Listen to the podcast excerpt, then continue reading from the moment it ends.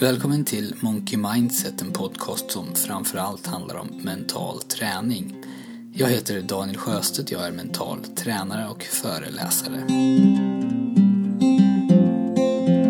I det här avsnittet kommer jag att prata om visualisering. Om du inte har lyssnat på avsnitt 19 så rekommenderar jag det. Det handlade också om det här ämnet. Visualisering, det handlar om att skapa en inre bild av det du vill ska hända. Och den här bilden den kan vara långsiktig, till exempel mål och visioner och det var det jag pratade om förra veckan. Den kan också vara mer i nuet, handla om sånt som du gör i ditt vardagliga liv och det är det jag kommer att prata mest om idag. Det finns flera olika sätt att visualisera. Kanske har du sett idrottare på TV som går igenom det de ska göra innan de gör det. En höjdhoppare till exempel som bara några sekunder innan själva hoppet, när hon står vid ansatsen, för sitt inre ser hur hon hoppar över ribban. Eller utförsåkaren som kör sitt åk i huvudet före de gör det i verkligheten. Och det finns ju massor av exempel på det här. Och det här det kan man själv göra i sin vardag. Man kan ta några minuter för sig själv och tänka igenom en situation innan den händer.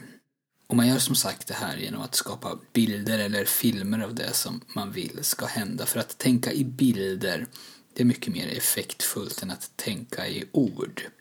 Och exakt hur man gör det här, det är ju upp till var och en. Men om man till exempel ska in på ett viktigt möte så kan det vara bättre att fokusera på hur man ska reagera på olika saker eller vilket sinnestillstånd man ska ha än att gå in exakt på vad man ska säga och vad andra kommer att säga.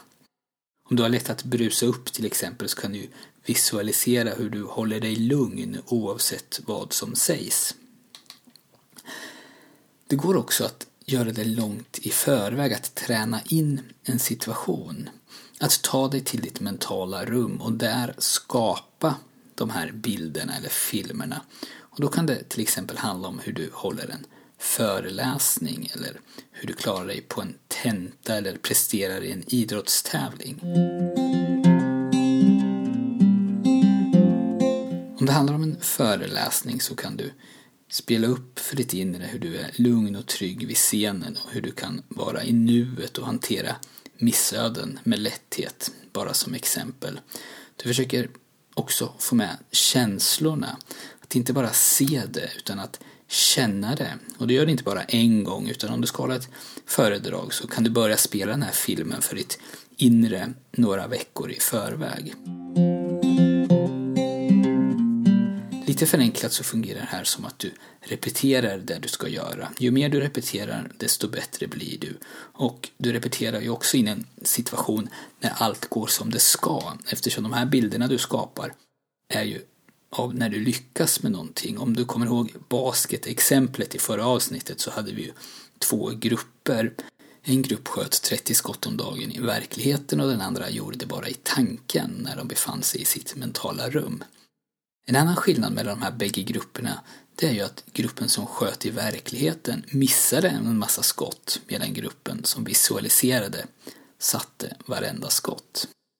Så för att sammanfatta det jag har pratat om så här långt så kan du visualisera sådant som du ska göra. Du kan göra det när som helst, allt från 10 sekunder innan det ska göras till flera veckor i förväg och du kan göra det i helt vaket tillstånd eller du kan göra det i ditt mentala rum och allt däremellan. Ju mer du tränar på det här, desto bättre kommer du att bli på det och ju mer sinnen du kan få med i visualiseringen, desto mer effektivt blir det.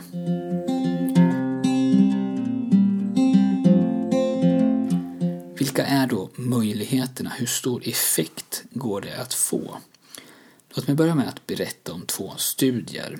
Bägge handlar om tyngdlyftning. I den första studien så fick 15 tyngdlyftare av elitklass möjligheten att delta i en studie om nyttan med anabola steroider. De skulle alltså på laglig väg få använda dopingpreparat. Deras träning delades in i två faser. Den första fasen höll på i fyra veckor och den gjorde alla 15.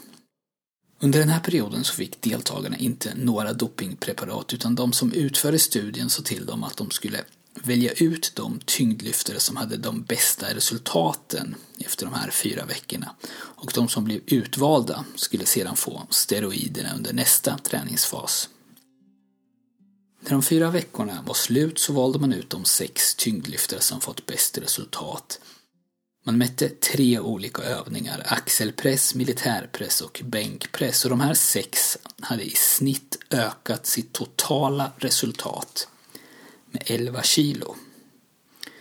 Nu skulle alltså de här sex få träna under fyra veckor samtidigt som de tog anabola steroider. Varje dag så fick de 10 milligram dianabol, det som kallas ryssfemmer och en av de vanligaste steroiderna när det handlar om doping. När de här fyra veckorna var över så hade lyftarna i snitt ökat sitt totala resultat med 45 kilo. Så resultatskillnaden mellan att träna hårt utan steroider och hårt med steroider var alltså mer än fyra gånger. Men saken var den att de här lyftarna fick inte några anabola steroider, de fick placebo. De fick alltså någonting som inte hade någon effekt alls. Den enda skillnaden, den enda riktiga skillnaden mellan fas 1 och fas 2 för de här sex lyftarna det var att de under fas 2 trodde att de fick anabola steroider. Den här studien den gjordes på 70-talet men det finns nyare studier som har varit upplagda på liknande sätt. I en av dessa så fick 11 tyngdlyftare på elitnivå vara med i studien. De fick ett piller som sades vara ett nytt snabbverkande dopningspreparat. Strax efter att de hade börjat dopa sig så fick de maxa och de slog genast sina tidigare personliga rekord. I snitt så lyfte de cirka 5% mer än vad de tidigare hade gjort. Det är en väldigt stor ökning för någon som troligtvis redan ligger nära sitt max. Sedan så tränade den här gruppen under två veckor samtidigt som de blev dopade av de som ledde studien och när två veckor hade gått så skulle de maxa igen för att se hur effekterna av dopning varit. Innan de skulle maxa så fick fem av de elva reda på sanningen Nämligen att det inte alls var doping de hade fått, utan bara sockerpiller.